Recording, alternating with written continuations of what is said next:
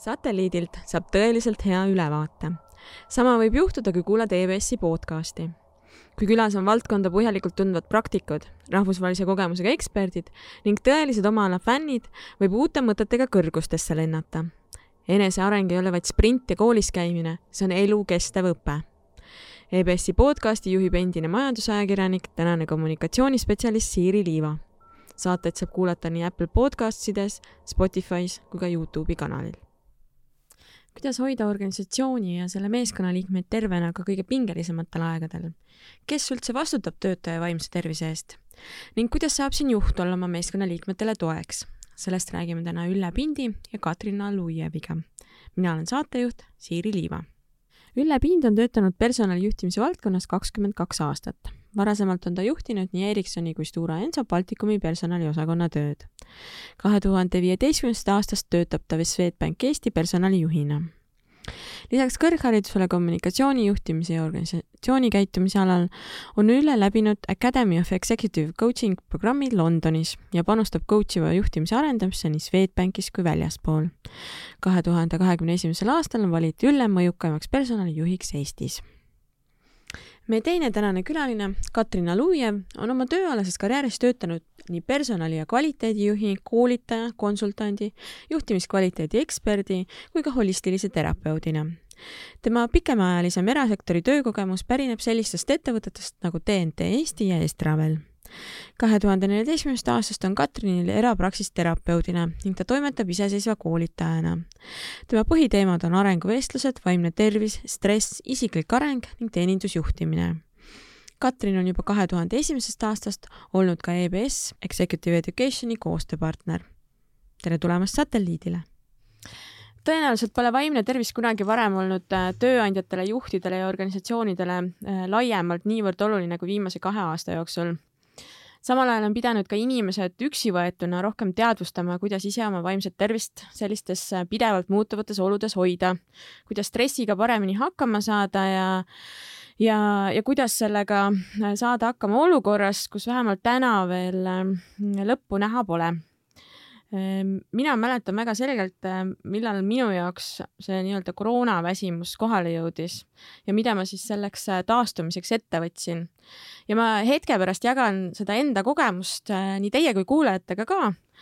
enne aga küsin, mis on teie jaoks olnud selle kahe aasta jooksul kõige raskem hetk või selline madalpunkt just vaimse tervise seisukohalt ja kuidas te selle olukorraga hakkama saite? Ülle, alustame sinust kas sa pead silmas iseenda suhtes või organisatsiooni suhtes? ei, ise äh, inimesena kuskil organisatsioonis äh, töötades äh, nendes oludes, kus me oleme olnud viimased kaks aastat mm. -hmm aitäh küsimuse eest, et mis on kõige raskem olnud, ma olen üldiselt väga positiivne inimene, ma selliseid raskeid kohti väga meeles ei pea, et lahendan ära, lähen läbi ja lähen edasi, eks ju, et aga noh, ma arvan, et kõige keerulisem on ikkagi olnud kohanemine sellega, et inimesi ei näe et inimestega ei saa kokku ja et tuleb oma suhted üles ehitada või suhete hoidmine üles ehitada teisel moel, mis tegelikult nõuab äh, ühe kolleegi, juhi, aga siis oma nii-öelda, nii-öelda töötajana olles tunduvalt rohkem energiat. ma arvan, et see energiakadu on see, mis äh, seda võib-olla iseloomustab, et äh, sama asja tehes tuleb kuidagi suhetesse panustada, suhete hoidmisesse panustada rohkem energiat mm. -hmm. aga mida sa oled teinud selleks, et sul oleks seda energiat? ikka terves kehas terve vaim, et liikudes, liikudes, liikudes ja puhates mm -hmm.. okei okay,, väga hea, aitäh, Ülle Katrin? jah, eks ma olen Üllega vist natuke sama tüüpi, et, et mul ka kaua ei lase ennast marineerida mingites asjades, võib-olla kaks sellist äh, selgemat kohta, et esimene oli päris siis, kui see algas mm, -hmm. et kuna ma töötan üks-ühele inimestega toas, kus ma ei saa ka maski panna, sest et teraapias sa ei saa lihtsalt maski kasutada, see ei ole võimalik, on ju, siis võib-olla see esimene ehmatus pluss see, et koolitajana võeti nagu justkui tööpõld alguses ära ja sa pidid ümber orienteeruma, et ma ei oleks kaks, või ütleme nüüd juba võib-olla jah, kaks aastat tagasi ikkagi arvanud, et ma kunagi Zoomis näiteks koolitama hakkan ja kõik see ümberorienteerumine, et see esimese ehmatusega võttis nagu kuidagi nagu jalad alt ära.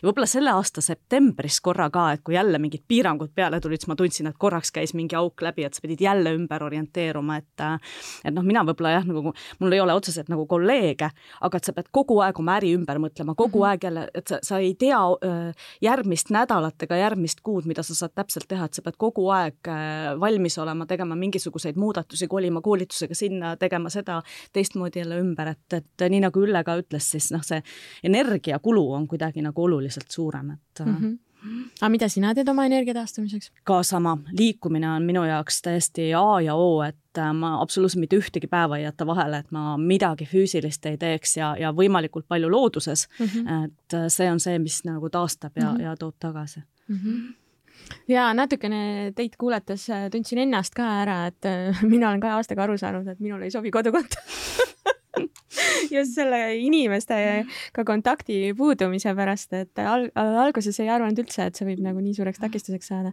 aga minul jõudis koroona väsimus kohale kümme kuud pärast selle pandeemia puhkemist. et ma arvan, et väga paljudel eluvaldkondades oli inimesi, kes noh, esimestel kuudel lihtsalt panid ine, noh, inertsisse sõna otseses mõttes, et lihtsalt, et kohanesid, said hakkama, pikad töötunnid ja nii edasi. Ja mina pärast kümme kuud, äh, mul oli esimene puhkus kahenädalane äh, ja seal, kuna ma võtsin aja maha, siis pärast seda taastumine läks väga pikalt, kuskil poolteist kuud. ja ma tegin sedasama, mida teiegi ütlesite. Äh, ma hakkasin käima matkamas iganädalaselt ja, ja lõpuks said mu sõpruskonnas paljud inimesed ka sellest indu ja tulid minuga koos kaasa matkama seega hakkasin niisugust koroonamatkasid tegema ma võib-olla siin täiendan, et ma tahan öelda, et mina õppisin näiteks enda kohta seda, et olgu, ma olen väga inimeste inimene mm -hmm. ja, ja äh, ma õppisin seda, et äh, ma saan väga hästi hakkama ka distantsilt, et see oli see, tegelikult ma ei, ma ei ütle, et ma, et ma, ma tunneksin nüüd puudust sellest. Mm, -hmm. ütled nii, eks ju, ma lihtsalt pidin oma suhted üles ehitama teisel moel, et see oli võib-olla keeruline. Ja pigem kui nüüd, kui nüüd nii mõelda, mul tuleb meelde, mis oli minu jaoks keeruline moment oli see, kui teki, ühel hetkel tekkis hetk, kui no ma olen töötanud kakskümmend kaks kuud kodust ma olen töötanud, äh, teinud oma tööd, juhtinud inimesi, valdkonda, kõike, eks ju, väga üksikutel kordadel käinud kohal, kogu organisatsiooni töö ümber korraldanud. Et aga minu jaoks oli keeruline see punkt, kuna mõtlesin, et kui me hakkame tulema tagasi, et kuidas see elu siis välja näeb, et, et kust jookseb see turvalisuse nagu piir, eks ju, mida võib endale lubada, mida võib organisatsioonile lubada ja et, et ja, ja, ja kõik kogu see ümberkorraldamine, saad aru, kui sa mõtled, et jälle peab, sa pead kõik selle ümber organiseerima, siis see on jälle energiakadu, eks ju, et mm. -hmm. aga teil on plaan paigas, et mis siis toimuma hakkab, kui kõik hakkavad tagasi kontorisse tulema? Meil ikka enam-vähem, me loksutame seda plaani paika, aga enam-vähem me saame aru, et inimese see, ma arvan, kakskümmend kaks kuud on olnud piisav aeg, et inimese, Katrin terapeudina kindlasti mm. oskab või inimestega tegelejana oskab öelda, kui, kui, kui kaua võtab aega see, kui inimese mustrid, käitumismustrid muutuvad, eks ju, aga see on minu arvates olnud piisav aeg, et inimeste Äh, vaade äh, tööelule on ikkagi muutunud mm -hmm. ja tööandja peab äh, nüüd ka need asjad ümber mõtestama, me ei saa minna enam selle pakkumisega, et nüüd sada protsenti kõik mm -hmm. kontorisse tagasi ma tahtsingi just küsida, et vist kõige suurem väljakutse saab olema inimeste kontorisse tagasisaamine, et seal kindlasti on mingi hulk inimesi, kes tahavadki jätkata kodus ja, aga kas see üldse peab olema eesmärk tagasisaamine mm, -hmm. et minu arvates küll ei pea, ma arvan, et nii mõnigi inimene, noh, kaasa arvatud nüüd seesama mina siin, eks ju, leiab, et ma saan teatud asju elus tehagi hoopis teistmoodi, et see mhm. väljakutse vastu võtta, et paljud ju räägivad seda, et on ikkagi tulnud juurde sellist vaba aega pere jaoks, mida mhm. varasemalt, mis varasemalt kulus transpordile ja liikumisele, logistikale et, et seda aega ei taha keegi vahetada enam äh, nagu nii-öelda selle liikumi-, noh, nii-öelda pere, pere arvelt ära võtta ja anda uuesti sinna liiklusummikutesse istumisele, eks ju mm. -hmm. Ja ma arvan, et võib-olla selle koroona nagu selline plusspool ongi see, et, et need paindlikumad töövormid ja see usaldus tööandja poolt on nagu läinud suuremaks, mis minu arust on just nagu see plusspool on ju. Äh, ja, ja ka ja, ja usaldus tööandja poolt, aga ka töötajate poolt, see iseseisva vastutuse võtmine, et see, kus, kui alguses kõik nagu nii-öelda vee alla suruti, sukeldusid niimoodi silmad kinni, et, et nad said aru, et nüüd ma pean nagu noh, mingid asjad ise otsustama, mul ei ole juht enam käeulatuses, et või, või kaaskolleegid, et. Mm -hmm.. okei. Okay no kui me kerime nüüd aja sinna kahe aasta tagusesse ja enne seda äh, tagasi ja, ja tuleme äh, tänase saate teema juurde, milleks on äh, vaimne tervis laiemalt, et mitte ainult koroona kontekstis. mis seisus äh, meie organisatsioonid selle vaimse tervise, töötajate vaimse tervise teadvustamisel olid tol hetkel? Noh, vaadates kõrvalt seda teemat, siis äh, tegelikult oli üsna kriitiline juba selleks ajaks, kui see koroona alustas, et äh, ma olen nüüd tänaseks, ma arvan, üks neli aastat umbes teinud neid vaimse tervise koolitusi organisatsioonides. jah, see on läinud nüüd äh, võimsamaks, et noh, seda ütlevad ka kõik igasugu teadusuuringud ja asjad, et äh, see, mis ennem oli juba logises, see hakkas nüüd veel kõvemini logisema nii inimese tasandil kui organisatsiooni tasandil.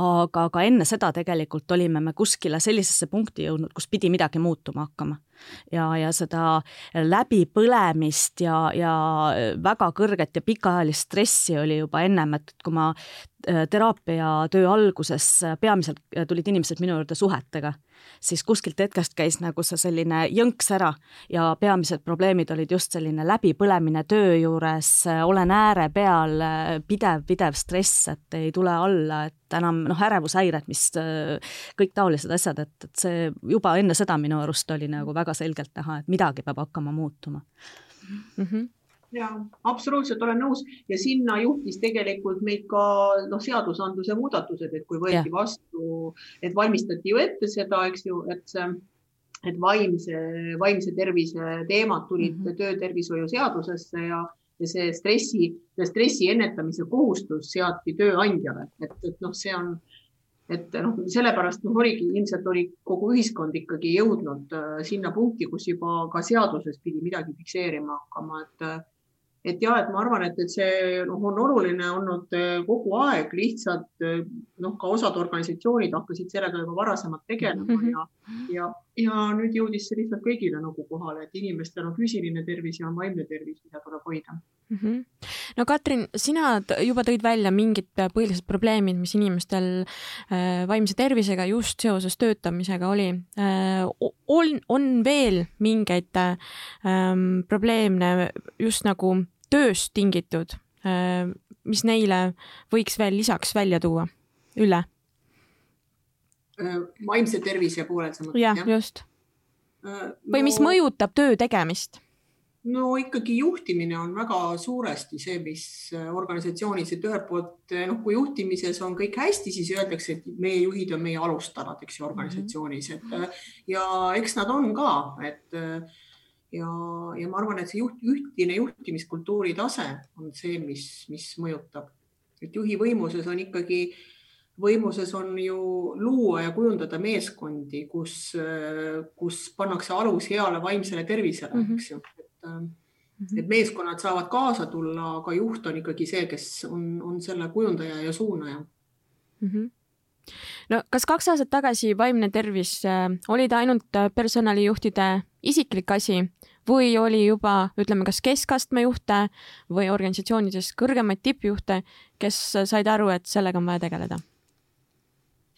No mina arvan seda, et Katrin näeb jälle teist poolt kindlasti, eks ju, et aga mina näen seda, et see hulk ettevõtted, ettevõtted või organisatsioonid on olnud, organisatsioonide kultuurid on olnud erinevas arengujärgus mm, -hmm. et on need organisatsioonid, kes on, kes juba olid jõudnud selleni mm -hmm. ehk nad olid juba mingi tee läbi käinud ja loomulikult juba jõudnud sinna, et ahaa, tegelikult on see põhjus, et me ei saa enam mõõta ainult töö rahulolu, juhtimisindeks ja, ja need pühendumus ja kõik need, need üksi ei loe, eks ju, mhm. vaid et see kõik kokku moodustab, et me peame lähenema sellele vaimsele tervisele, et see on see, mis noh, aitab seda, seda vaimse, vaimset, vaimset tervist mõjutades mõjutame me kõiki muid asju ka organisatsioonis mm. -hmm. ja ma arvan, meil on suurepäraseid tippjuhte, kes seda on väärtustanud ja, ja mis on sellele hoogu andnud? Kindlasti, on see üldine selline coaching'u kultuuri omaks võtmine, on ju, et juhid on käinud coach'i, coach'i juures, siis nad on ise coaching ut õppinud, ma arvan, see on nagu see selline väike viirus, mis Eesti, Eestit on ka lõpuks nakatanud, et ja mis on mõjutanud, on ju aga on organisatsioone, kus ma arvan, ei ole sellele mõeldud ja kus sellest ka ei räägita no absoluutselt, et ma olen täitsa nõus ja, ja tõesti organisatsioonid on hästi erinevad, et võib-olla jah, kui ma sellist laiemat pilti vaatan, siis eks tõenäoliselt ja personalijuhid on need eestvedajad mm -hmm. väga paljuski. aga kui see tippjuht ei ole seal ees ja ta ei hoia lippu kõrgel, siis on väga-väga keeruline sellel personalijuhil, ka mitte võimatu, et, et kui on hea personalijuht, kes oskab tilgutada õigel ajal seda motivatsiooni õigetesse kohtadesse, siis see hakkab ka tööle vaikselt, on ju. Mhm. aga et jah, see tase on väga-väga erinev organisatsiooniti mm. -hmm no mis on viimase kahe aasta jooksul toimunud, mida hakati tegema kahe tuhande kahekümnenda aasta märtsis? seoses vaimse tervisega, töötajate vaimse tervisega? no mina omalt poolt näen kindlasti seda, et jah, sellist ähm, võib-olla väikseid selliseid äh, loengusutsakaid ja asju ja püüti hakati tõstma seda teadlikkust mm -hmm. üldse organisatsioonides, et seda on kindlasti juurde tulnud, et äh, igasugu sellised äh, noh, kui ennem olid tervisenädalad, et siis nüüd lausa tehakse niimoodi regulaarseid selliseid äh, loenguid ja asju, need on kindlasti tulnud mm -hmm. nagu juurde ja tõesti, noh, selles mõttes on ka hea, et ikkagi laiemas perspektiivis on hakatud äh, juhte ka rohkem harima sellel mm -hmm. teemal et no ikkagi see teadlikkuse tõstmine on võib-olla see võtmesõna, mis on nagu noh, vaadates siit just nagu väljaspoolt mm -hmm. organisatsioone seda pilti, et Ülla oskab kindlasti organisatsiooni seest võib-olla ja võib-olla parem pilguga natuke. ja see, mis muutus, äh, oli kindlasti see, et noh, nagu üleüldiselt vaimse tervise mõttes on erinevaid organisatsioone, aga on teate selliseid organisatsioone, kus ikkagi on lähtutud selle noh, ka psühholoogi suunamisel mm -hmm. näiteks ikkagi, kust ma, kust jookseb piir, et kus on inimese, millal võib inimene minna psühholoogi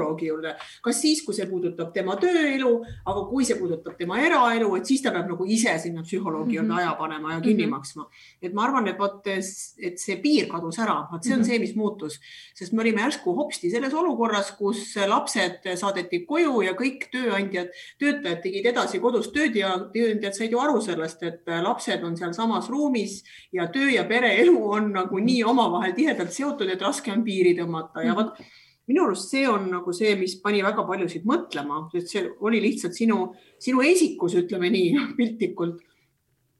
et äh, selline ühiskondlik surve võib olla natukene see, et me olime ikkagi ühiskonnana kriisis, et äh, ja, ja mida nagu noh, mida ma ise näen, mida meiega hakkasime tegema ja pakkuma julgemalt, mida me ennem ei pakkunud, just need sellised töötajate eraelu, ka sellist isiklikku elu puudutavad koolitused, tark lapsevanem, kuidas me saime aru, et kui, kui me õpetame neil nagu oma töötajatele olema paremad lapsevanemad, siis nad saavad oma laste matemaatikatundidega siin kõrval paremini hakkama ja nad on nagu noh, saavad oma tööd jätkata, eks mm -hmm. ju, mhm. et et ja samuti erinevatest siis ka see suhteteemad, et kui tekkis ju siin palju räägiti sellest ju ka, et kodu ja kõik on nagu mõlemad, näiteks kaks inimest töötavad kodus ja on lapsed ja siis minnakse omavahel võib-olla tülli, eks ju, nad tekivad konfliktid, kui kõik kogu aeg töötavad ja õpivad samal ajal, eks ju. et ja siis, siis ka sellised need suhteteemad, et kuidas olla hea, hea siis abikaasa ja suhtleja või elukaaslane, et need sellised, et suhted tööl ja kodus näiteks mm, -hmm. noh, kuidas nad omavahel et ma usun, et midagi sellist, et see jõudis kõigile nagu hästi kohale, kuigi me kõik teadsime seda mm, -hmm. aga, aga oli vaja teha midagi, et mm. -hmm Mm -hmm. ma ütleks isegi päris palju, ma olen seda märganud, et äh, noh, sa mainisid seal päris alguses seda psühholoogilist nõustamist ja asju, siis äh, nüüd on hakanud ka töötajad seda teadvustama, et ma olen mitmes organisatsioonis märganud nagu seda, et sa teed mingi grupitöö, meil võiks olla psühholoogiline nõustamine toetatud, siis personalijuht tõuseb püsti, ütleb, meil on see juba kolm aastat. et äh, ja inimesed ka ise ei teadnud ja seda nagu ei propageeritud, aga nüüd on see mhm. tulnud mm -hmm. nagu kuidagi päevakorrale, et seda on nii paljudes kohtades, et mm. -hmm. Mm -hmm no mis ma teie jutust nüüd äh, järeldan, et, äh, et nende kahe aasta jooksul teadlikkus on organisatsioonides tõusnud, äh, on nii töötajate kui ka juhtide tasandil. on hakatud pakkuma rohkem psühholoogilist tuge ja on hakatud rohkem küsima mm -hmm. ja on hakatud ka rohkem mõistma, et inimese elu on kui tervik ja, ja tal peab olema võimalik nii töö ja eraelu ühildada mm. -hmm ma küsiks ka seda, et äh, millised ettevõtted teie hinnangul olid äh, selle pandeemiaga toimetulekul edukamad? kas need, kes olid juba varem töötajate vaimsele tervisele mõelnud või, äh, või tõi see nende jaoks hoopis mingeid uusi probleeme esile? oleks siin nii ja naa, ma arvan, et äh, aga kindlasti mm, said paremini hakkama need ettevõtted, kus oli tegeletud vaimse tervisega mm -hmm. eelnevalt mm, -hmm. seda teadvustatud ja, ja, ja ka need ettevõtted, kes olid ennem rakendanud sellist paindlikku tööaega ja mm -hmm. kaugtöö põhimõtteid, et, et see ei olnud võõras inimestele. et just see noh, usaldus, mis seal noh, mis sai määravaks, et kas juhid usaldavad mm -hmm. oma töötajaid kodus töötama või nad arvavad, nad saavad alati oma töötajate mõtteid kontrollida, kui nad nende nagu kontoris istuvad, et, et siin oli kaks asja, ma arvan, hästi tihedalt seotud. jah, see mikrojuhtimise teema oli kindlasti üks oluline mm -hmm. asi ja noh, ta kindlasti ka valdkonnas oli väga palju kinni, et mm, -hmm. et äh, valdkonnad said ju erinevalt pihta ja, ja võib-olla ka see noh, see selline üldine valmisolek erinevateks muudatusteks mm, -hmm. selline paindlikkus organisatsioonis, et see mõjutas ka hästi palju mm. -hmm. no ta ja, jah. Ei no tõenäoliselt on siiamaani organisatsioone, et eh, Ülle, kui sa ütled, et te olete kahekümne teist eh, kuud järjest juba kodukontoris, et eh, selle kõrval on ka organisatsioone, kes on juba ammu kodukontoris tagasi eelmise aasta suvest tulnud ja polegi enam tagasi läinud, et mhm ja et äh, aga, aga see on, ma tahan öelda, et siin ongi see ikkagi see, me ei saa ainult tõmmata piiri, et äh, noh, kui vaimne tervis, ikka mm -hmm. kogu tervis on omavahel nii füüsiline kui vaimne on mm -hmm. omavahel seotud ja ütleks nii, et kuulen ju ka tööturul, et tegelikult inimesed ka, keda on, et see äh, praegu me oleme sellises hetkes, kus ikka inimene võtab oma tervise nimel mingeid samme, riske ja mm -hmm. meie riskitaluvus on väga erinev, eks ju mm -hmm., et kui tööandja on nagu kohustab inimesi tulema sellises pandeemia olukorras kontorisse, kus inimene ei tunne ennast tegelikult kindlalt ja kus me ei suuda tagada vot sellise ohutu töökeskkonna mm -hmm. tagamine. et äh, me ei saa eirata seda, et koroona või see koroona on samuti üks riskitegureid. et, et see ka mõjutab inimeste vaimset tervist, et mitte kuidagi arvati, et, et ütleme, et las inimesed tulevad tagasi, et siis noh, siis, siis noh, siis on vaimne tervis korras, kõik töötavad koos, tegelikult ei ole, et äh, et ma olen vestelnud paljude inimestega, et see hirm on ikkagi suur osadel inimestel, et, äh, et kas ma võtan kaasa selle viiruse, kas ma viin koju, kas mm -hmm. ma mhm. nakatan kedagi ja nii edasi mm. -hmm ja, ja no kõige hullem ongi just seesama pikaajaliselt hirmus töötamine et, või olemine mm, -hmm. et, et see on see, mis seda vaimset tervist ja, ja läbi selle füüsilist tervist kõige mm -hmm. rohkem mõjutab. Mhm. Mhm. et, et see on see probleem mm. -hmm jah, ja noh, ka mure lähedaste pärast no,, et just, eriti kui just. on eakaid vanemaid ja. või, või noh, keegi, kes kuulub riskigruppi ja nii edasi. aga ja no koroona kui riskitegur on nüüd ju, ettevõtted on kohustatud lausa see, see oma riskiplaanidesse see sisse kirjutada, eks ole, et eelmisest äh, sügisest okei okay., aga kui nüüd no natuke nagu tulla sellest pandeemia olukorrast äh, välja ja äh, rääkida sellest vaimsest tervisest äh, laiemas äh, kontekstis ja noh, kindlasti see ükskord lõpeb ära ja, ja see noh, selle teemaga peavad organisatsioonid ja äh, ettevõtted äh, edasi tegutsema ja Katrin, sina ütlesid, et tegelikult töökohal vaimse tervisega oli kriis käes juba enne pandeemia puhkemist et ähm, no kelle ülesanne see sellises olukorras, kus sul inimesed on läbi põlenud, neil on ärevushäired, kelle ülesanne on sellises olukorras midagi ette võtta? see on hea küsimus, et äh, eks ta ühtepidi ja, ja lõppkokkuvõttes on vastutus alati ikkagi inimesel iseendal, et ega mm -hmm. me ei, mhm. meid ei saa väljaspoolt äh, muuta, painutada, juhtida mm -hmm. ja, ja mingeid asju teha, et jaa äh,, töökoormus äh, võib olla läbipõlemise selline alustala, aga inimene, inimese aju ei diskrimineeri, kui ma tunnen, et mul on töökoormus mm -hmm. suur siis ka see mõjutab või see, kui mul on töökoormus suur ja ma ei ütle seda välja mm -hmm. näiteks ja kannatan, on ju. Mhm. et äh, teatud mõttes on jaa, tööandjal on nii palju hoobasid, tööandja on alati nagu selles mõttes äh,, tal on võimalus tõsta inimeste teadlikkust, seal on ressursid, seal on äh, sageli see teadlikkus parem ja nii edasi, on ju. aga päeva lõpus selle haamri, mille tööandja näiteks koolituste varal annab töötajatele, et selle peab iga inimene ise pihku võtma ja, ja tegelikult aitama, et üks asi, mida mina kindlasti nagu näen, mis on selle olukorraga sinnamaani viinud, et äh, eks me tõenäoliselt peame ka väga palju ümber mõtestama oma töökultuuri, et eestlane ikkagi kipub äh, väga kergelt üle töötama. Ja, ja see selline noh, tahaks öelda natukene orja mentaliteet on meil äh, väga tugevalt sees, et, et me ikkagi pigem võtame oma tervise arvelt, võtame pere arvelt, võtame kõige arvelt, aga me oleme väga-väga-väga kohusetundlikud töötajad ja, ja see on see, mis pikas perspektiivis ikkagi ei ole jätkusuutlik. või mm -hmm. kuidas sulle, Ülle, tundub? Ma olen nõus, et see on kahepoolne ja aina, äh, aina ütleme, et, et võib-olla sellised töörollid, kus, kus ongi äh, vahetustes, kus inimesel on seatud vahetusgraafikud mm -hmm. ja, ja seal kirjutatakse sisse ka mingid ületunnid, kus inimene ei saa ütleme, võib-olla noh, keelduda või, et kui, kus ahel on omavahel seotud, on ju, et, et seal võib-olla on suurem vastutus tööandjal yeah, yeah. Mm -hmm. Ja kõige selle vaba aja andmisel. Aga nüüd iseseisva otsustamispädevusega inimesed, kes oma tööd ise juhivad, et see on ikka kahepoolne vastutus, et, et teate ka seal töökultuurides, kus noh, ongi, kus, kus juht ütleb, et ta ta ei oota ületundide tegemist ja ta, ta noh, tahab, et töötajad võtaksid vaba aega selle katteks ja, ja nii edasi, et osad inimesed lihtsalt töötavad ja ega nad ei ütlegi seda, et nad Just. teevad seda ületunnitööd, et nad pingutavad võib-olla rohkem, kui üldse neilt oodatakse.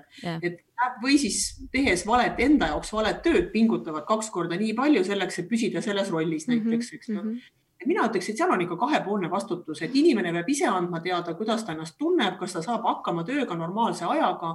Ja kui ta ei saa, siis ta peab ületunnidega kirja panema, see on seadus näeb ette ja ta peab vaba aja võtma siis või siis, või siis rahalise kompensatsiooni, mis muidugi ei kompenseeri tervist, on ju. Mm. -hmm ja nõus.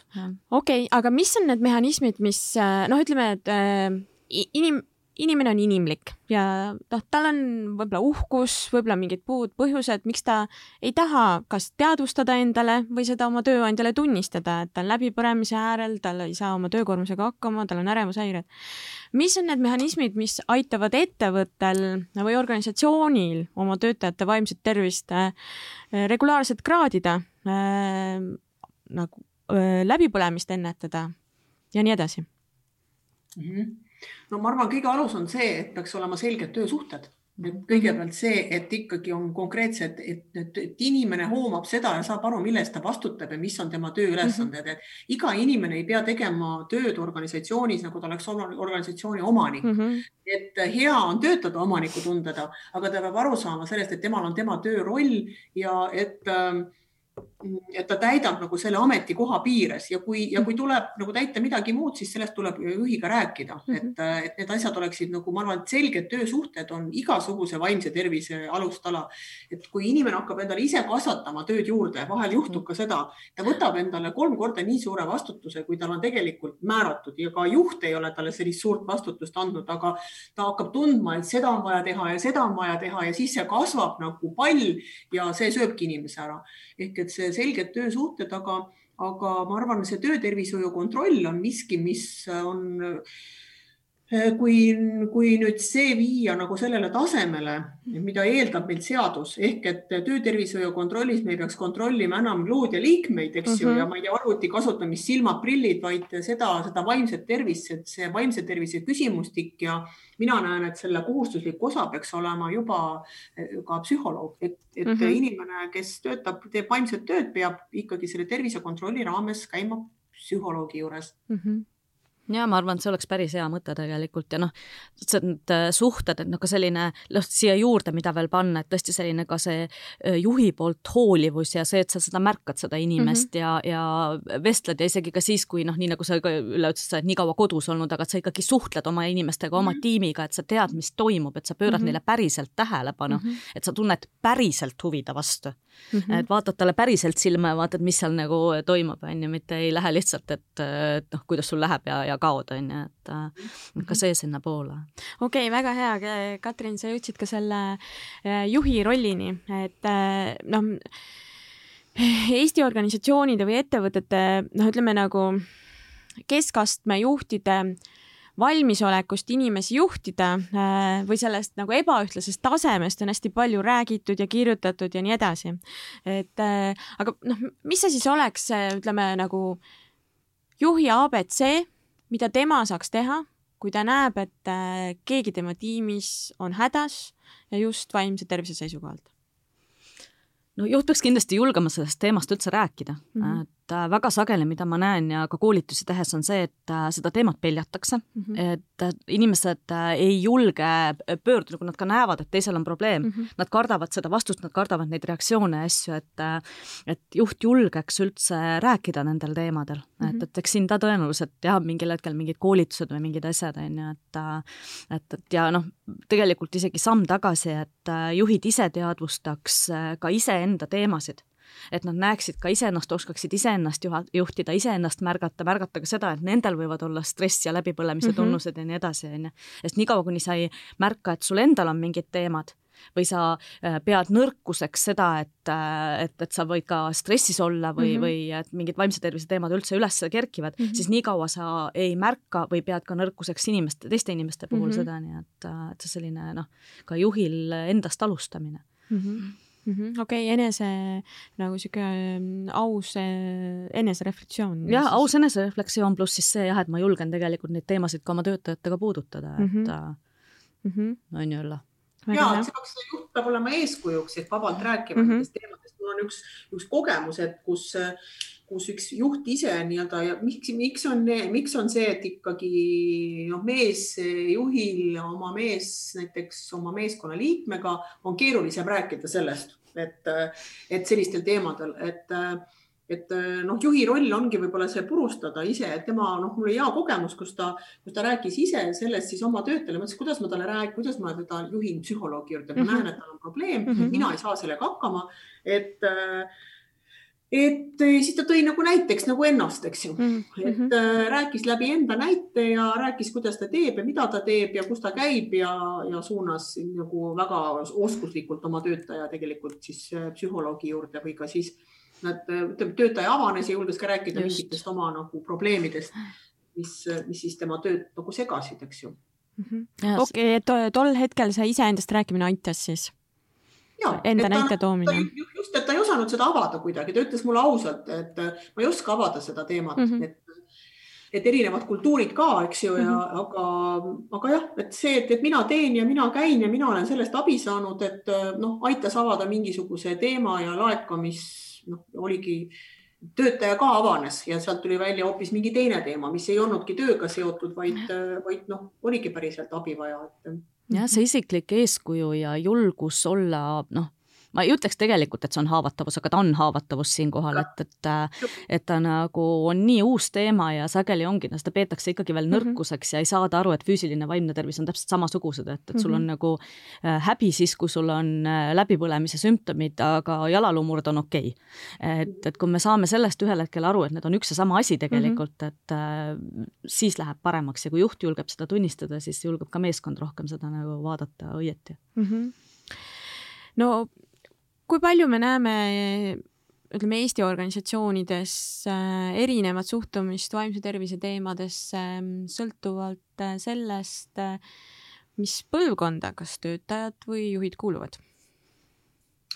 ikka on erinevat suhtumist, loomulikult et äh, nooremad põlvkonnad võtavad äh, kõike seda, mis puudutab tervist, ükskõik mis, äh, mis suunalist tervist, võtavad palju lihtsamini vastu mm, -hmm. näen, näen mina, et mm. -hmm jaa, täiesti nõus, et äh, noored, noorte jaoks on see niivõrd normaalne, noorte jaoks on normaalne minna psühholoogi juurde mm, -hmm. soovitada sõbral psühholoogi juurde minna, ka see, millest me just rääkisime mm, -hmm. et äh, rääkida oma alluvaga nendest teemadest mm. -hmm. Neil ei ole nii palju müüte ja tabusid mm, -hmm. et nad on kasvanud natukene teises keskkonnas ja, ja nad on palju-palju avatumad mm. -hmm. ja, ja nad oskavad ka otsida endale võib-olla ise mingis mõttes abi, et see võib-olla noh, interneti kasutus või kogemus on kuidagi noh, nad usaldavad nagu rohkem mm, -hmm. eks ju, kõik need igasugused erinevad eh, nagu digiõppe variandid, et otsitakse endale selliseid vastuseid, ma tahan öelda mm -hmm. väga palju nagu mitte ainult Google'ist, eks ju, et ka LinkedInist ja Upsteamist ja kust pakutakse erinevaid koolitusi, et seal vist on ka see eneseteadlikkuse taseme küsimus ka, et, et sihuke nagu enda eh, emotsioonide eh, noh, oskus oma emotsioonidele nimesid anda ja neid mhm. tunnetada ja neid teadvustada et.... ja neid juhtida ja, ja see on, reeglina on palju parem jah. et eks seal on, et noorel põlvkonnal vahel võib-olla jääb jälle sellisest äh, vastupidavusest ja sellest vajaka, onju, mhm. et, et teinekord noh, võib-olla natukene vatitupsu sees kasvanud ja, ja noh, põntsud on jäänud võib-olla ära, onju. aga teisipidi nad jah, tõesti selles mõttes otsivad kiiremini abi mm -hmm. ja, ja on valmis ka seda abi vastu võtma mm. -hmm. mida on äh, erinevatel põlvkondadel õppida äh, suhtumisest vaimsesse tervisesse? noh, ma arvan just sellel noh, meie põlvkonnal ja vanematel on just sama avatust, et mm, -hmm. et nagu see kuidagi nende noorte teadlikkus selles, nagu Ülle ka ütles, on äh, palju parem mm. -hmm. ja, ja see avatus ja kõik, et see on see, mida sealt õppida. ja, ja noh, mida, mida nemad meilt, et noh, kindlasti jah, sellist, võib-olla jah, sellised vastupidavuse teemad ja mm, -hmm. ja, ja vahel äh, noh vahel tuleb ennast kokku võtta. tuleb ennast ei kokku saa. võtta, täpselt, täpselt, alati ei, ei, ei saa nagu jääda kuskile välisele ja kõigele lootma, see tasakaal seal sees mm, -hmm. et minu arust me kaldume nagu noh, äärmustesse väga sageli, et mm, -hmm. et meie saame alati hakkama veri ninast välja ja et noh, ma olen ikkagi nelikümmend kuus ja Nõukogude naine, onju. aga et vahel peaks nagu abi küsima ja, ja teisipidi jälle noortel võib-olla vastupidi, onju, et mm -hmm. või mis sa, Ülle, arvad? ja, aga ma näen ka seda, et, et tegelikult äh, noorem põlvkond, äh, ma vähemalt vaatan, kui ma võrdlen ennast, enda põlvkonda noorena ja praegust, ma näen seda, et, et on suurenenud selline noh, nende poolt vaadates selline põlvkondadeülene koostöö või minu arust tahetakse õppida mm -hmm endast vanemalt põlvkonnalt, et seda minu arust, mina noor olin, siis kuidagi alati endast vanemaid natuke naeruvääristati, et vaadati nagu seda, et noh, öeldigi pehmelt, öeldigi lubjakas, eks ju, et noh, mis tema ka teab meie asjadest mm. -hmm. tänapäeval minu arust noh, vähemalt need noored, kellega mina suhtlen oma töö juures ja ja oma tutvusringkonnas, et pigem on see, et, et nagu uudishimulik, uudishimulikud mm -hmm. ollakse, kuidas te hakkama saite, mis te tegite ja nii edasi -hmm. et õpitakse nagu sellisest, selline metaõppimine käib, et teise mm -hmm. kogemusest juba ise teistmoodi edasi minna. et mulle hästi meeldib see. jah, nõus mm. -hmm okei okay,, et see põlvkondadevaheline miks, et see võib ka vaimse tervise seisukohalt äh, luua siukse nagu äh, eluterve, eluterve nagu siukse meeskonnasisese nagu toimimismehhanismi, et kuidas neid teemasid teadvustada. aga ma küsin korra ka seda, et äh, no siin enne oli näite sellest, kuidas juht rääkis oma murest alluvale ja sealt äh, aitas teda edasi. aga mida teha olukorras, kus, ähm, kus äh, ei ole kus juht ei ole nagu tegelenud oma isiklike, võib-olla tööväliste probleemidega. et äh, kes aitab seda juhti selles olukorras ja on tal üldse sellisel juhul pikka, pikka tulevikku sellel kohal, sellisel juhul?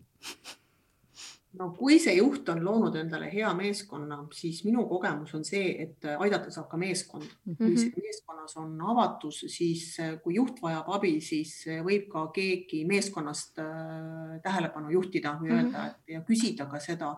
minu kogemus isiklikult on, et, et inimestel me väga omavahel, kui minu töökoormus kasvab, siis minu inimesed küsivad minu käest, et kuidas sa hakkama saad mm, -hmm. kas sa pead vastu, et kuidas ja kuidas sul läheb mm, -hmm. et et see on nagu see, et ja ka, ja ka noh, igal juhil on alati ka veel, veel üks juht, eks ju, enamalt jaolt, et, et kui ta ei ole just grupi CEO, et aga, aga noh, iga, ikka saab ja personalijuht mm, -hmm, täpselt, kes ettevõttes tavaliselt kõigi muresid märkab ja, ja kui sa oledki nagu selline, kas noh, nii-öelda seal väga kõrgel üksi või, või noh, mis iganes põhjusel võimalikult üksi, siis järjest rohkem sellist coaching ut ja, ja mentorlust ja, ja et, et on ka keegi väline, mhm. kes äh, vaatab mm -hmm. sulle otsa ja ütleb, et kuule, äkki oleks aeg, et, et ka see on mhm. alati variant, et mm. -hmm. kui palju Eesti organisatsioonid äh, kasutavad, kas siis oma juhtide toetamiseks majavälist coaching ut või, või ka töötajate toetamiseks? mulle tundub, et järjest rohkem, et äh, ma ei tea, mis kogemus sul ülle on, aga minu arust see nagu järjest mhm. kasvab mm, -hmm. et hästi-hästi äh, tore trend, et mm. -hmm. no ma saan aru, et juhid ise har harivad ennast coaching'u yeah. alal, aga yeah., aga kui palju nende toetamiseks seda kasutatakse? Ja see on nagu niisugune hea viirus, et minu, ma ütlen, mulle meeldib see, et väga palju erinevaid suundi on, igaüks leiab endale oma, aga aga see coaching'u õppimine juba iseenesest ongi tegelikult eneseaitamine, et mm -hmm coaching ut sa ei saa lihtsalt muidu õppida, kui sa pead korraks enda ka lahti harutama mm -hmm. ja sealt ikkagi noh, sünnib väga palju. aga kas kasutatakse väliseid coaching, coach'e, ikka kasutatakse et äh, meil on ju palju coach'e Eestis mm, -hmm, yeah, aga, aga järjest populaarsemaks on läinud ka oma majasiseste coach'ide väljaõpetamine yeah.. Et, mm. oma, oma majasisese nagu coach'ide tiimi siis äh, ja, ja nad siis tegelevad ainult coach imisega või nad on ikkagi nagu mingites rollides ka? mingites rollides ka tavaliselt. okei okay,, ja, ja lisaks nad ja. siis on ka coach'id? äh, jah, selline vabatahtlik, vabatahtlik töö, et äh, coaching on ju ikkagi ka missiooniga seotud. tõsi no, vabatahtlik roll. jah, jah. see on tõsi. kas äh, Swedbankis on niisugune majasisene coach'ide süsteem? jah, meil on karjääri coach'id, meil on coach'id ja mentorid ja meil on, me saame neid kõik, kõigile töötajatele on suunatud, mitte ainult juhtidele mm. -hmm. igaüks, kes tahab, võib endale valida mm. -hmm. kui suur see töötajate ring on, kes osalevad nendes erinevates äh, gruppides? No meie, me ei pea arvet äh, selle üle, sa mõtled nagu, kes on coach'id? ja just täpselt, no mingi umbkaudne suurus no,. ma usun, et meil on kuskil kuuskümmend inimest seal listis. no, no see on päris, äh, päris suur ja. number. jah mm -hmm.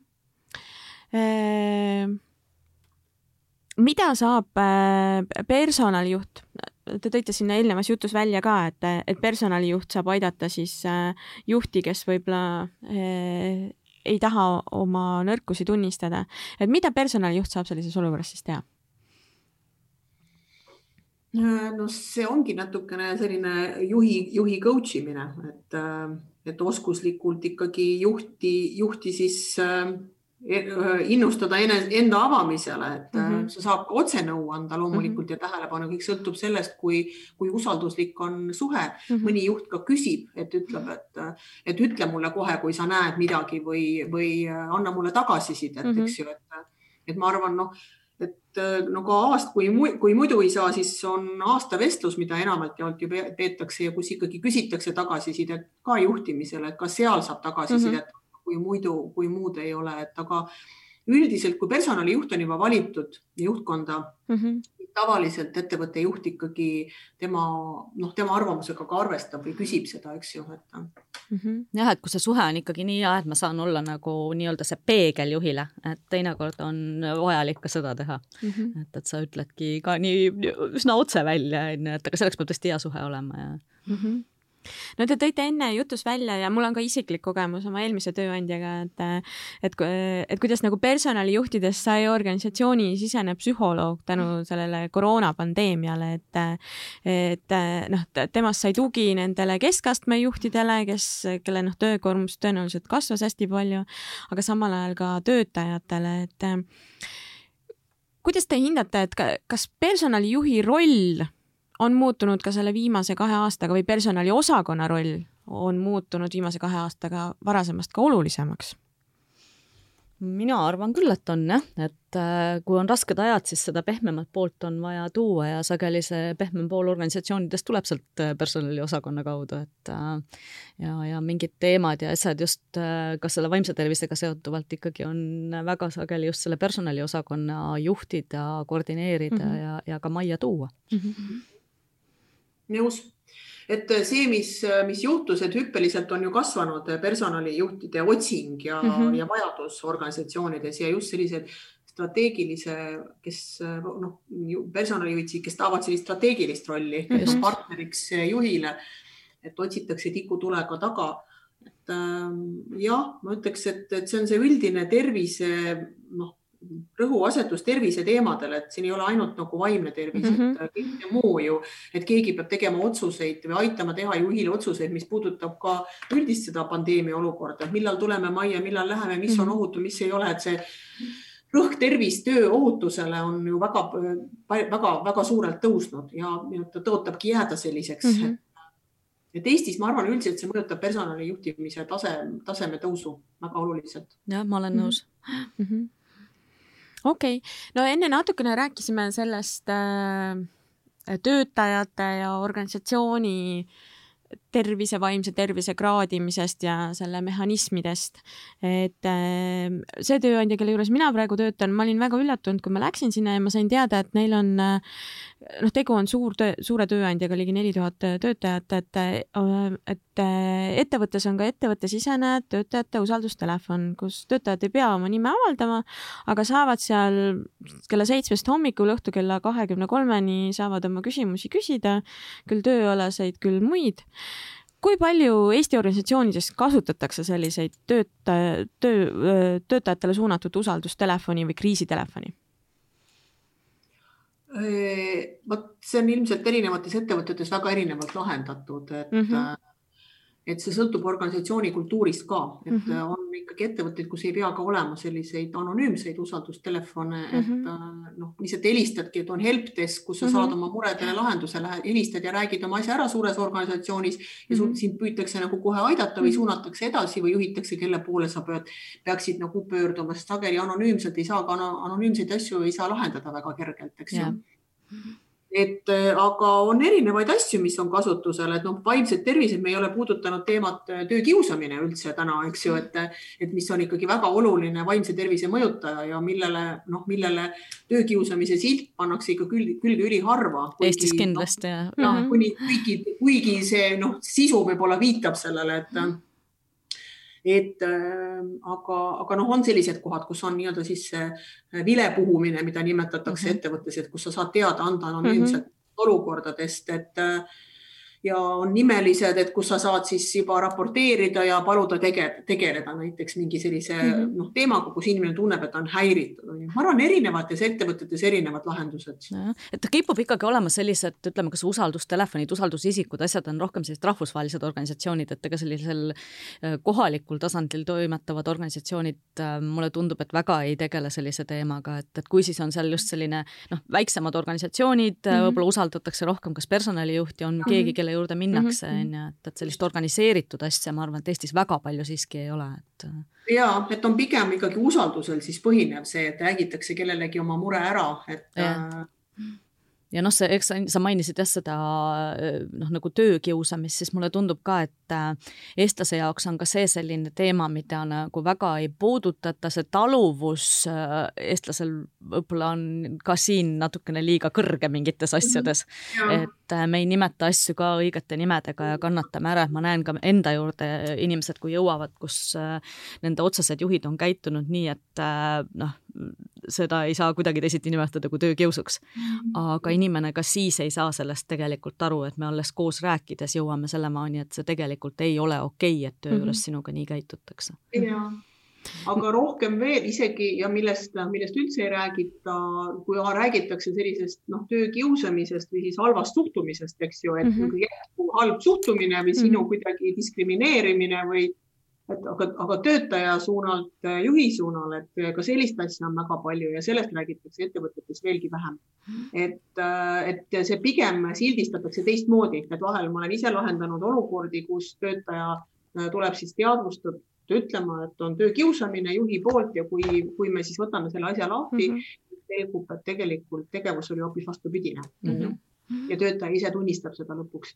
et äh, või siis kõige sagedamini ikkagi kolleegil kolleegile, mis on, äh, mis on, mis on selline, mida noh, mida inimesed äh, noh, nagu Katrin ütles õigesti, me oleme harjunud liiga palju taluma, et mm -hmm. välja kannatama, arvama, et see ongi, et ongi okei okay.. normaalne nagu. normaalne jah ja., et seda, seda vast sünnib kõige rohkem üleüldse organisatsioonides mm. -hmm no teema, milleni ma tahtsingi veel jõuda enne, enne kui me oma lõpu traditsiooniliste küsimusteni jõuame, et on, on ka see nii-öelda juhtimise mõju vaimsele tervisele, et äh, täpselt see, mis sa, Katrin, välja tõid, et sinu juurde on tulnud töötajaid, kes äh, äh, noh, kes kirjeldavad, kuidas nende juht nendega käitub ja kes alles siis on aru saanud, et, et see on töökiusamine. kui palju selliseid juhtumeid on sinu praktikas? No ikka on, et äh, noh, ma ei saa öelda, et see on nüüd äh, valdav teema mm, -hmm. aga on küll neid äh, juhtumeid, kus on sõimamised, noh, selline manipuleerimine mm, -hmm. passiiv-agressiivset käitumist, igasuguseid noh, siinkohal jutumärkides huvitavaid käitumisi mm -hmm. on, mhm. et jaa, neid ikkagi paraku on mm. -hmm mida teha olukorras, kus äh, noh, ütleme organisatsioonis personaliosakond on aru saanud, et, äh, et äh, probleem on juhis, võib-olla isegi mitte, tal, tal ei ole võib-olla nagu vaimse tervise probleeme, aga lihtsalt, et tema tegevus mõjutab tema meeskonna vaimset tervist. mida personaliosakond sellises või personalijuht sellises olukorras teha saab, Ülle mm.? Mida personali, personalijuht peab äh, algatama uurimise, et äh, selles mõttes asja lahti võtma mm. -hmm. et ega siin ei olegi nagu muud lahendust, et äh, ja, ja viima selle asja nagu lõpuni, et ja vahel on eneseteadlikkuse küsimus, et juht pole need asjad nüüd märganudki, et kui juht on valmis muutuma, siis saab kõiki asju teha, aga kui see inimene ei ole valmis mm -hmm. muutuma, sellel inimesel noh, ükskõik, tuleb seda loomusest või ka mingitest vaimse tervise probleemidest, on ju, aga ta ei mhm. ole valmis selle teemaga tegelema, siis äh, noh, nimetage mind siin äh, julmaks personalijuhiks, aga vahel on lahkuminek kõige parem nagu asi, mis üldse olla saab nii organisatsioonile no,. ja, et kui väärtused ei ühti, siis tulebki lahku minna, tuleb mõelda sellest, et äh, noh, mida see, mida see otsus mõjutab, eks ju, et ühe inimese lahkumine võib mõjutada nagu kümne inimese mm -hmm. Nagu heaolu. täpselt. aga noh, see tuleb nagu lahti võtta ja, ja analüüsida ja nagu, mis ma ütlen, et järeldusi ei maksaks teha ennatlikke järeldusi, et äh, kuna ma olen ise neid selliseid asju tõesti kuulnud, uurinud erinevates organisatsioonides, siis äh, siis jah, tasub nagu juurteni minna mm, -hmm. et mhm. ja siis, ja siis minna nagu selle nii-öelda tipuni välja, et kui on vaja, siis tuleb teha nagu sammud, aga tavaliselt, tavaliselt seal on osapooli rohkem kui üks. Mm -hmm. Mm -hmm. ei ole tavaliselt ainult, ainult ühe teema, alati on igal pool nagu algab koolikiusamisest, et, et ka kaasaelamine ja. ja ka selle mitte, sellele mitte reageerimine on töökiusamine, et kui teised vaatavad kõrvalt ja mitte midagi ei tee, siis tegelikult nad on sellel kaasaaitajad, eks ju. jah, nõus. okei okay,, no kuna see töökiusu teema siin tuli teemaks, et Ehm, kui, kui tihti te näete, et sellises olukorras siis kas juht või konkreetne töötaja on nagu nõus ennast muutma? on see inimloomusele omane? Ennast muuta, ma arvan, et me saame muuta oma käitumist mm, -hmm. et enese muutmine on pikk protsess, et mhm. ennast saab, ikka saab, saab muuta enda juures asju, et läbi mõeldes ja analüüsides, aga mitte nii, et keegi tuleb ja näitab näpuga ja ütleb, et, et simsalabim muutugu, et nii ei muutu mitte keegi, et Katrin on terapeut, ta teab, kui pikk see protsess on, et et mina ikkagi noh, usun, et saab anda inimesele võimaluse, aga ma ütleks nii, et kui on näha, et, et tegemist on süsteemse kurjusega mm, -hmm. et siis ma ütleks nii ja kui asjad on läinud juba nii, et usaldust ei ole võimalik taastada. Ehk et see on olnud nagu süsteemne, äh, süsteemne nagu mingis mõttes ikkagi läbimõeldud. Ja usaldus on kadunud, et siis noh, siis see inimene võib, keda siis me nüüd otsustame, et me hakkame muutma, on ju, me anname talle võimaluse, et ta ei saa selles keskkonnas seda ellu viia, sellepärast et keegi ei usu teda lihtsalt. et kui inimene on juba haiget saanud, siis üldiselt ta ei kipu enam usaldama, mistõttu noh, väga lootust ei ole et.... ja talle ei anta seda krediiti lihtsalt, et see on üks eksimus ja kui see ei ole süsteemne ja või saab, võib-olla saab üle viia teise osakonda. mina alati ütlen, et ikka igaüks peab saama võimaluse ka selline inimene nagu aru saada vähemalt sellest, mis ta on valesti teinud, eks ju. et aga selle peab nüüd see otsustaja nagu ära tunnetama, kas seal on võimalust või ei ole, eks ju. aga on teatud asjad, mille, milles ma arvan, ei saa nagu vastu tulla, et. nõus ja noh, eks see, see muutus väga sageli tuleb siis, kui läheb inimesel väga valusaks, et me hakkame ennast muutma siis, kui me ehmatame ära. et no., et nii-öelda see põhi paistab, et, et on nagu kuidagiviisi peab inimesel valus olema, et me ei taha väga nagu õppida lihtsalt nagu teiste eeskujul ja, ja, ja siis, kui lihtsalt öeldakse ja mm -hmm. et meil peab endal ikkagi nagu see mingi raputus toimuma mm, -hmm. et äh, et see, see on see, mis äh, teeb ka kiireid muudatusi teinekord mm. -hmm. ja see Tek... ma ikka ütlen ka alati nagu inimestele, et selleks, et äh, noh, et ei ole see, et, et, et noh, muutumine, vaid selleks, et, äh, et kellelegi midagi mitte halvasti öelda, et eeldus peab olema see, et mitte nendest inimestest nii halvasti mõelda. et, et see peab siin juhtuma. ja, ja suhtumise muutumises.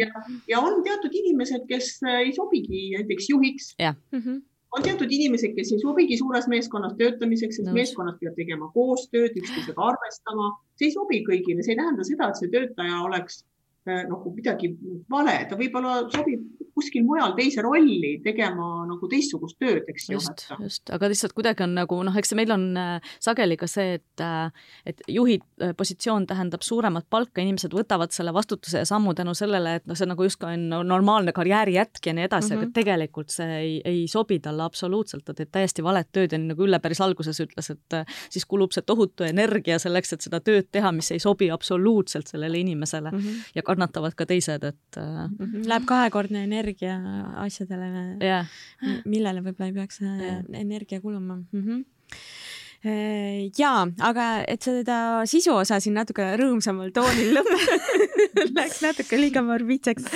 et äh, ma tulen tagasi selle juurde, millest me oma arutelu alustasime, et noh, me oleme praegu väga suurte muutuste keskel ja me oleme ikkagi nagu juba pikalt ka selles olnud, et äh, nii noh, igaüks äh, isiklikult äh, töötajana kui ka organisatsioonid ja ettevõtted laiemalt, et äh, mida teie nagu soovitate, et mis aitab ähm, organisatsioonidel mm, sellistes nagu tänastes äh, pideva muutuste olukorras äh, jätkuvalt hakkama saada, hoida organisatsiooni ja inimesi selles jätkuvalt tervena?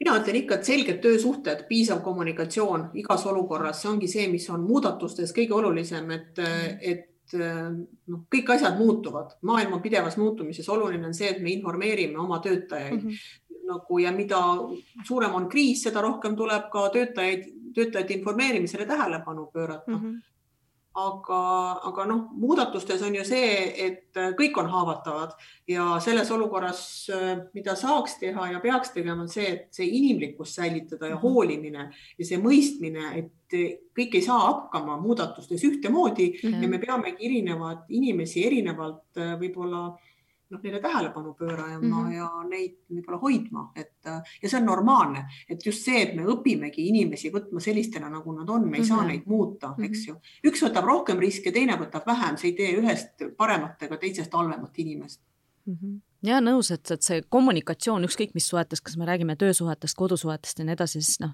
see, mis on baasalus, on kommunikatsioon, see, et me räägime. Ja, ja tõesti selline hoolivus ja inimlikkus, äh, eriti rasketel aegadel A ja O. Ja, ja jah, tõesti see, ka seesama, et mida Ülle tõi ka välja, et, et sa näed, et inimesed on erinevad ja sa tõesti arvestad ka sellega mm, -hmm. et, et ei piisa lihtsalt sellest, et sa teed oma meeskonnale diskianalüüsi ja vaatad, oi, näed, tulidki erinevad tulemused tulemused. et sa päriselt näed seal taga ka, et näed, tema saab muudatustega hästi hakkama, tema alati kardab muudatusi mm, -hmm. tema on alati muudatustele vastu, siis ma lähen erinevate strateegiatega nende inimeste mm -hmm. juurde, et, et sellel, kui sa ennem tõid selle keskastme juhi rolli siia mängu, et nad mm -hmm. alati ei tegele selle inimesega võib-olla nii palju, kui peaks, siis sageli ongi see keskastme juht, kes peaks märkama, et, et vot ongi, mul on vaja läheneda erinevalt nendele inimestele, võtta need hirmud ja pinged maha, et mm, -hmm. et seda et, rohkem võib-olla. et kuidas selle nende erinevate pusletükkidega see puslepilt ikkagi nagu ja, tervikuks kokku siduda. kui sa tõid selle personalijuhi rolli kasvu siia sisse, siis ma arvan, ka see keskastme juhtide rolli kasv on praegu päris korralik, et, et sest nemad on need, kes puutuvad kõige rohkem oma otseste mhm. inimestega kokku mm. -hmm. ka nende selline teadlikkuse tõus ja, ja selline juhina tõus mm, -hmm. liidriks kasvamine mm. -hmm. ehk et siit, kui järeldada, et siis, kui organisatsioon tahab oma vastupidavust niisugustele äh, nagu ootamatustele või, või muutustele kasvatada, et siis äh, tuleb rohkem rõhku panna ka keskastme juhtide koolitusele ja teadlikkuse tõstmisele. jah mm -hmm nii, aga siin me peame sellele sisulisele osale joone alla tõmmata, tõmbama, et äh, aga mitte saatele endale veel, et äh, meil on podcastil ka traditsiooniline lõpuosa, kus siis kõik külalised saavad vastata iga kord täpselt samadele kolmele küsimusele ja teie, teie ka ei pääse nende käest. Esimene küsimus on, et mis on see juhtimisraamat, mida soovitaksid lugeda kõikidel, keda paeluvad juhtimisküsimused ja väljakutsed? ja Ülle, alustame sinust mul kohe ühtegi konkreetset raamatut ei ole, mida ma soovitaks. Igal juhil, neid on väga palju, soovitaks ikkagi äh, võtta kätte mõni coaching'u äh, raamat. Mm, -hmm. et see on nagu väga individuaalne, mida keegi, mida keegi tahab, kes tahab, äh, kes tahab lugedagi tulemuslikkuse treeningut mm, -hmm. eks ju, coaching ut, kes tahab lugeda rohkem sellist võib-olla karjääri, kuidas inimesi, inimestes seda potentsiaali avada rohkem, eks ju, et, et või siis, või siis on, või siis on lihtsalt Äh, selline üldine lahenduskeskne, neid raamatuid on ikka väga palju coaching us ja väga häid. kindlasti soovitaks juhtidel võtta kätte aastas kord ikkagi üks coaching'u raamat mm. -hmm. no äh, coaching ju sisuliselt, mis ta on, on vestluste juhtimise kunst, et äh, ja vestlusi me peame iga, igaüks iga päev ju ja. väga palju et selles mõttes see, see ju tuleb igas elusituatsioonis kasuks. väga hea. nii, Katrin, mis on sinu soovitus um,? mina võib-olla rõhuks sinna just sellesse enesejuhtimisse, et äh, pluss see jääb sageli vajaka, et, et äh, ma ei tea, viimase aja üks tore leid oli Susan Davise, ma ei tea, kas ta eesti keeles vist ei ole ilmunud, aga on inglise keeles on äh, Emotional Agility mm, -hmm. et päris äh, hea selline praktiline lugemine just äh, ka juhina, et, et ma mõistan ennast ja mm, -hmm. ja mhm. oma võib-olla meeskonda paremini. siis on meil selline tore raamat nagu äh, on ka eesti keeles ilmunud äh, Minu emotsionaalne aju mm, -hmm. et vist oli Richard Davidson äkki selle autor mm, -hmm. et äh, midagi taolist, et, et mm -hmm. sa mhm. nagu juhina pööraksid tähelepanu ka just sellele iseenda juhtimisele ja sellele, et sa õpiksid iseennast mõistma, oma emotsioone juhtima, et kui sa ennem siin mainisid ka seda, et äh, noored oskavad tõenäoliselt äh, rohkem oma emotsioone juhtida juba nimetadagi mm, -hmm. et, et alustada sellest, et äh, ma suudan selle tegelasega, selle mm -hmm. iseendaga hakkama saada mm. -hmm mm. -hmm, väga hea. siis, mis on see üks soovitus, mida sa alati juhtimise kohta annaksid? ja Katrin, lähme seekord sinuga edasi no võib-olla ongi seesama asi, et, et alusta iseendast, et kui sa suudad iseennast juhtida, kui sa suudad ennast mõista, kui sa suudad enda emotsioone juhtida mm, -hmm. kui sa suudad aru saada enda tugevustest, enda mm -hmm. nõrkadest külgedest, siis sa mõistad ka paremini äh, neid teisi inimesi su äh, meeskonnas mm -hmm. näiteks on ju, sa suudad neid paremini ka juhtida, neile liidriks olla, et mm, -hmm. et äh, alusta iseendast, et võib-olla see just meie põlvkonnal eriti on on äh, jäänud vajaka, et noored tulevad parema sellise enesejuhtimise mm -hmm. baasiga. et õpi iseennast tundma esmalt mm. -hmm. väga hea. Ülle, mis on sinu soovitus? minu soovitus on see, mis mind ennast on väga aidanud kogu mm -hmm. aeg ja on ikkagi selline hooliv juhtimine mm, -hmm. see empaatia kasvatamine, et noh, läheb edasi Katrini jutust, eks ju, et mm -hmm. kõigepealt ise ja siis, kuidas ma teiste suhtes mm -hmm. seda üles näitan, et mm -hmm. päriselt.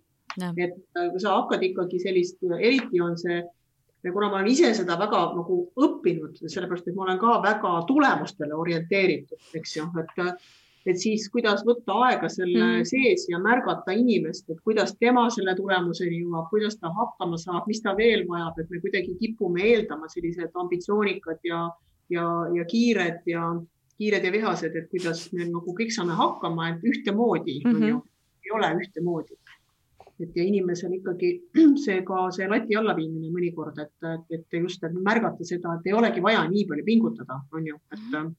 -hmm minul ka üks mu, nüüd ma sekkun oma isikliku looga vahele, aga minule ka üks mu hiljutistest juhtidest on öelnud, et, et tema jaoks on olnud väljakutse mitte mõõta oma tiimi liikmeid iseenda järgi mm. -hmm. et, et täpselt sedasama mõista, et inimesed on erinevad ja, ja ka nende nagu töövõime ja, ja kõik muu on erinev väga hea. ja nüüd viimane, kolmas küsimus on see, et mis oskust sa tunned, ei pea tingimata olema juhtimisoskus, ehm, et pead veel enda juures arendama ja Ülle, jätkame sinuga mm,. ma arvan, et mida ma pean enda juures äh, arendama, kindlasti on seesama, mis ma, mis ma siin teistele soovitan, et alati, alati öeldakse, et kui sa kuulad teise, kui sa näed, et teised sind kuulavad, siis kuula ka ise. just tavaliselt inimene räägib ikkagi iseendast ja iseendale väga palju, et. Äh, Practice what you preach või mm? -hmm. ja, aga, aga noh, võib-olla iseenda suhtes, ma olen ikka võib-olla mõtlen seda, mis Katrin, et enda, see enesejuhtimine, et kuidas, kuidas enda suhtes vahel seda latti ikkagi allapoole viia mm. -hmm. et sellest inimesed ju võtavad eeskuju mm, -hmm. et et kui ise ikkagi paned kogu aeg nagu saja, kahesaja, kuuekümnega, siis mm -hmm. inimesed tulevad sulle järgi, on ju, kahesaja, kuuekümnega, et mm. -hmm et jah, ütleks nii, eeskujuks, kuidas olla paremaks eeskujuks oma inimestele ja alati mitte olla nii täiuslik et vahel võivad ka asjad maha kukkuda püüelda täiuslikkuse poole kogu aeg, seda ei ole olemas, on ju? ei ole, rahu tegemine ebatäiusega. absoluutselt nii, Katrin, mis sina tunned? eks ma võtan siit selle järje üle, et ega mul on ka, et äh, ma täiesti teadlikult äh, tean, miks need vaimse tervise äh, koolitused ja asjad minuni on jõudnud, et iga kord, kui ma räägin teatud teemadest, siis ma koputan iseendale ka õla peale, et mm, -hmm. et üks kindlasti teema, mis on käinud minuga kogu aeg kaasas, on selline tasakaalu leidmine, et mm mm -hmm. mul on gaas väga niimoodi kergelt liikuv, aga pidur ei ole nii palju toimetav, et vahel on vaja seda teadlikult õppida rohkem seda pidurit tõmbama, et ma, kuna ma olen üksi, siis ma vahel küll naeran, et mul on sekretär, kelle ma pean jälle lahti laskma, sest kalender on läinud jälle üle pea, et et see selline noh, teatud mõttes aja juhtimine, aega küll ei saa juhtida, aga see aja juhtimine, iseenda mm -hmm. aja juhtimine, et igale põnevale projektile mitte jaa öelda ja et see on endiselt väljakutse.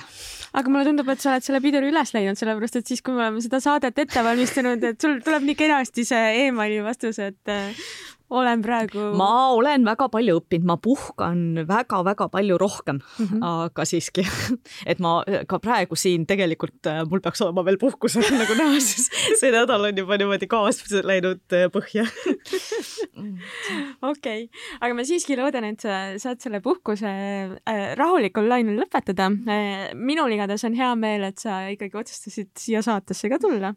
igatahes selline oligi meie tänane saade. aitäh, Katrin aitäh, Ülle. Äh, aitäh ka kuulajatele ja järgmise korrani.